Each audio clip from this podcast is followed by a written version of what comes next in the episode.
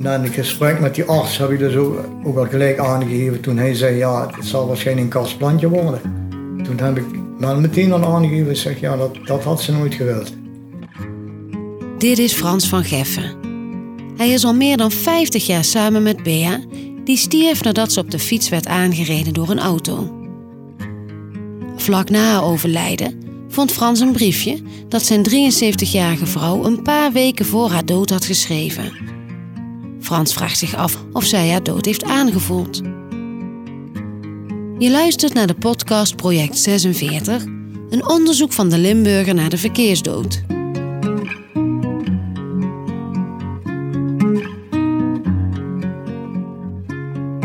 In deze aflevering Bea van Geffen uit Heerlen.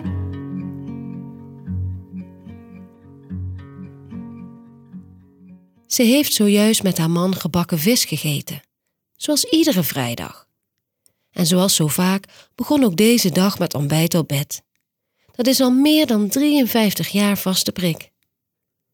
Bea, 73 jaar, en haar man Frans hebben zo een vaste gewoonte. Na het ontbijt kijken ze samen met een kop koffie naar de vogeltjes in de tuin. Haar tuin. Bea is er dol op. Rond het middaguur besluit Bea met haar e-bike naar winkelcentrum Het Loon in Heerlen te gaan om kerstcadeaus te kopen. Frans blijft deze keer thuis, want hij gaat klussen. Hij zwaait Bea uit, die voor deze keer haar fietshelm thuis laat. Na een uur zit Bea's fietstas vol cadeautjes en keert ze huiswaarts. Op de rotonde aan de Looierstraat in Heerlen wordt ze geschept door een afslaande automobilist. Ze wordt geraakt door de spiegel. Bea valt vermoedelijk met haar achterhoofd op het asfalt. Ze raakt in coma en komt niet meer bij. Een week later, op donderdag 20 december, overlijdt ze in het ziekenhuis in Heerlen.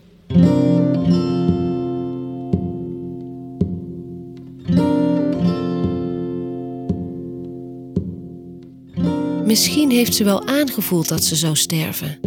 Heeft ze gedacht: ik moet hem wel laten weten dat we het samen goed hebben gehad. Frans van Geffen, 73 jaar, weet het niet. Maar het is wel toevallig dat Bea een paar maanden voor haar dood een briefje met instructies voor de uitvaart heeft geschreven. Voor het geval haar iets zou overkomen. Zo, zo raar. Ja, zo. Sorry. Zo eigenlijk zeggen dat ze het heeft aangevoeld. Dat kan natuurlijk niet, maar. Ja, dat is, is gewoon bizar. Want eh, ook wat ze dan schrijft, dan denk je, ja, ze zou het. Zou het? Zou ze het hebben aangevoeld? Frans leest het briefje dat boven opgeborgen lag in een envelop. Bea schrijft. Dat ze echt een, uh, een goed leven had gehad met, met mij en de kinderen. Sorry. En uh, wat ze graag van liedjes hoorden, eventueel. En bij een, bij een uh, crematie of begrafenis dan. Hè. Ook wordt uit de brief duidelijk dat ze muziek van Reinhard Meij gedraaid wil hebben. En ze vraagt Frans of hij namens haar van iedereen afscheid wil nemen. Frans laat het namens Bea op het bidprentje zetten. Ik zeg iedereen gedag die mij heeft gekend, Bea.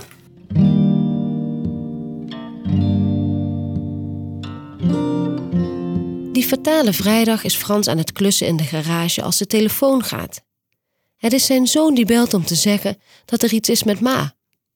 Frans belt zijn vrouw onmiddellijk op haar mobiel, maar krijgt een ambulancebroeder aan de lijn.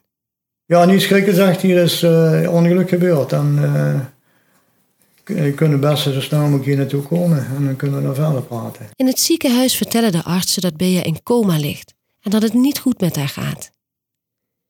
Zes dagen lang zit Frans met zijn twee zonen aan haar bed. Totdat de artsen hem zeggen dat het waarschijnlijk niet meer goed zal komen. Dat ze een kastplantje zal worden als ze nu ontwaakt. Dat zou Bea nooit willen. Na een gesprek met die arts heb ik dus ook, ook al gelijk aangegeven toen hij zei ja, het zal waarschijnlijk een kastplantje worden. Toen heb ik wel meteen al aangegeven, zeg ja, dat, dat had ze nooit gewild. Dat ze ook zo duidelijk als ik gezegd heb. Kun je niet denken. En uh, ja, zo, zo moeilijk is dat. Bea wilde niet leven ten koste van alles. De zevende dag, vlak voor kerst, wordt Bea door de artsen opgegeven en wordt de behandeling stilgelegd. Volgens de artsen kan het nog dagen duren voordat Bea sterft, maar Frans ziet dat het geen kwestie meer is van tijd. Hij ziet het leven uit haar wegcijpelen. Bea sterft een kwartier later in zijn bijzijn.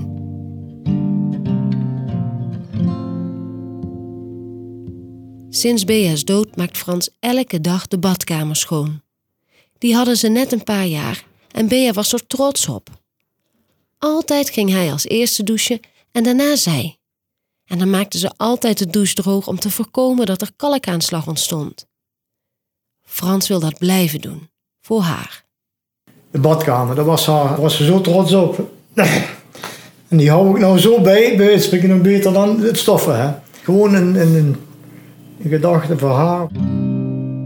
Inderdaad, ter nagedachtenis aan zijn Bea.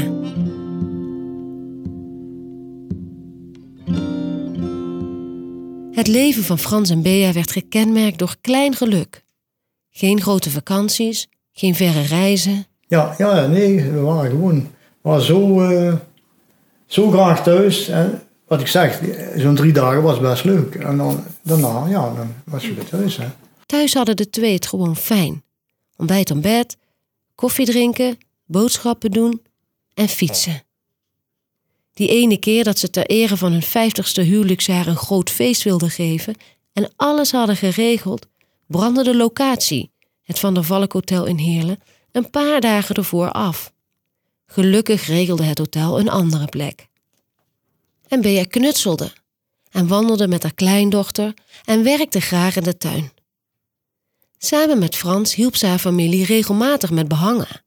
En dan deed ik een naadje verkeerd, moest ik het eraf halen. Ze was super precies, zegt Frans glimlachend. Ze was er één uit honderd. Frans en Bea leerden elkaar kennen op de kermis in Brunsum in juli 1962. Frans was 16 en werkte als elektricien in de mijnen. Hij vroeg haar mee het reuzenrad in. Bea, die in de boekwinkel werkte, ging mee. Sindsdien waren ze onafscheidelijk. Frans voelt zich eenzaam na haar dood. Om nieuwe mensen te ontmoeten deed hij mee aan een fietstocht voor 50-plussers. Heb ik hem meegedaan. Ik denk misschien krijg je aan contact, maar het is heel moeilijk. Je bent alleen. Je probeert dan, maar de meeste zijn met z'n tweeën of met een groepje. Hè. Uh, je krijgt niet gauw contact, heel raar dat. Hè. Het lukte die dag niet voor Frans.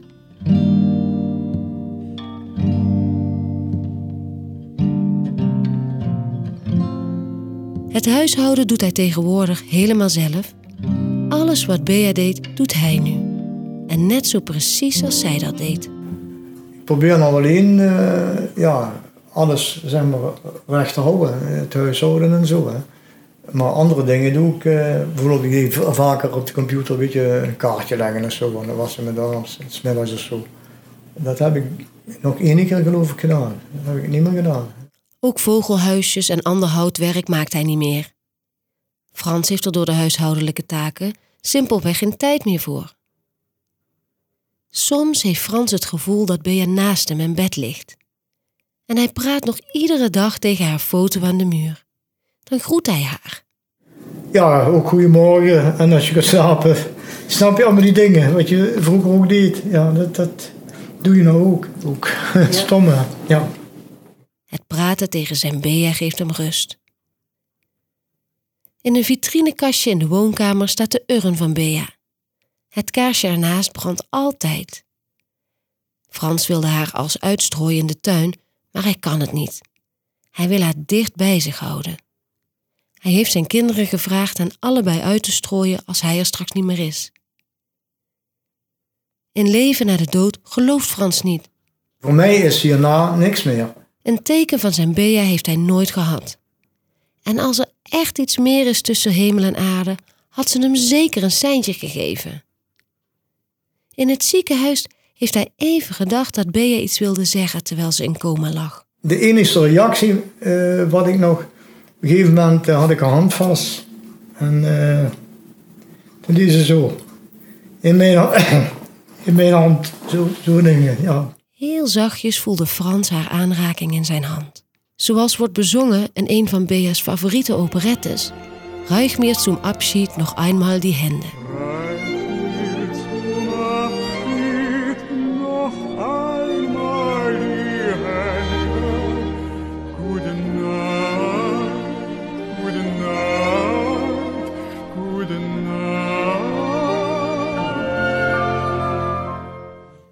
Frans komt nog regelmatig op de rotonde waar zijn vrouw verongelukte.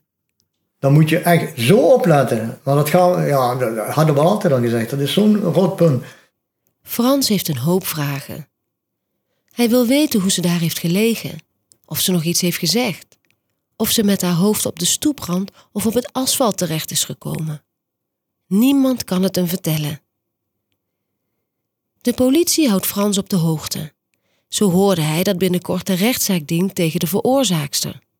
Maar van Frans hoeft zij niet gestraft te worden. De rotonde is gevaarlijk. Fietsers komen van twee kanten. Het had hem ook kunnen gebeuren. Zodra hij hoorde dat er geen alcohol of drugs in het spel waren, vergaf hij de bestuurder. Hij is zelfs nog met haar in gesprek gegaan. Ik had meer medelijden met haar eigenlijk. Meen ik echt. En dan zeg ik, zij is eigenlijk gewoon dus zal ik de slachtoffer. Hè.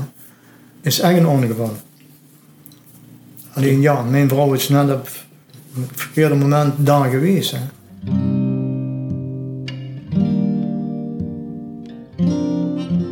Voor Frans is het nu zijn tweede kerst zonder Bea. Een boom heeft hij niet staan dit jaar.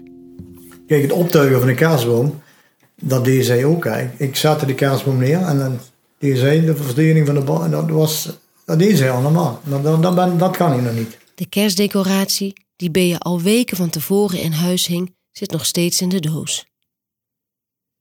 Een paar dagen na het ongeval haalde Frans Bea's fiets op bij het GGD-kantoor naast de rotonde. In de fietstassen vond hij de pakjes die Bea die fatale dag had gekocht voor kerst. Mooi ingepakt, maar niet voorzien van een naam. Ik heb dus even gekeken van, ja, wat, wat zit er nou in? En toen mooi ingepakt. En dat is een beetje naar mijn dingen verdeeld en dan weer afgegeven, ja. Frans verdeelde de cadeaus met kerst onder zijn zonen en kleindochter. Ook zat er een pakje in met rumbonen. Zoals ieder jaar waren die voor Frans. She left you alone for three days. What on earth were you gonna do?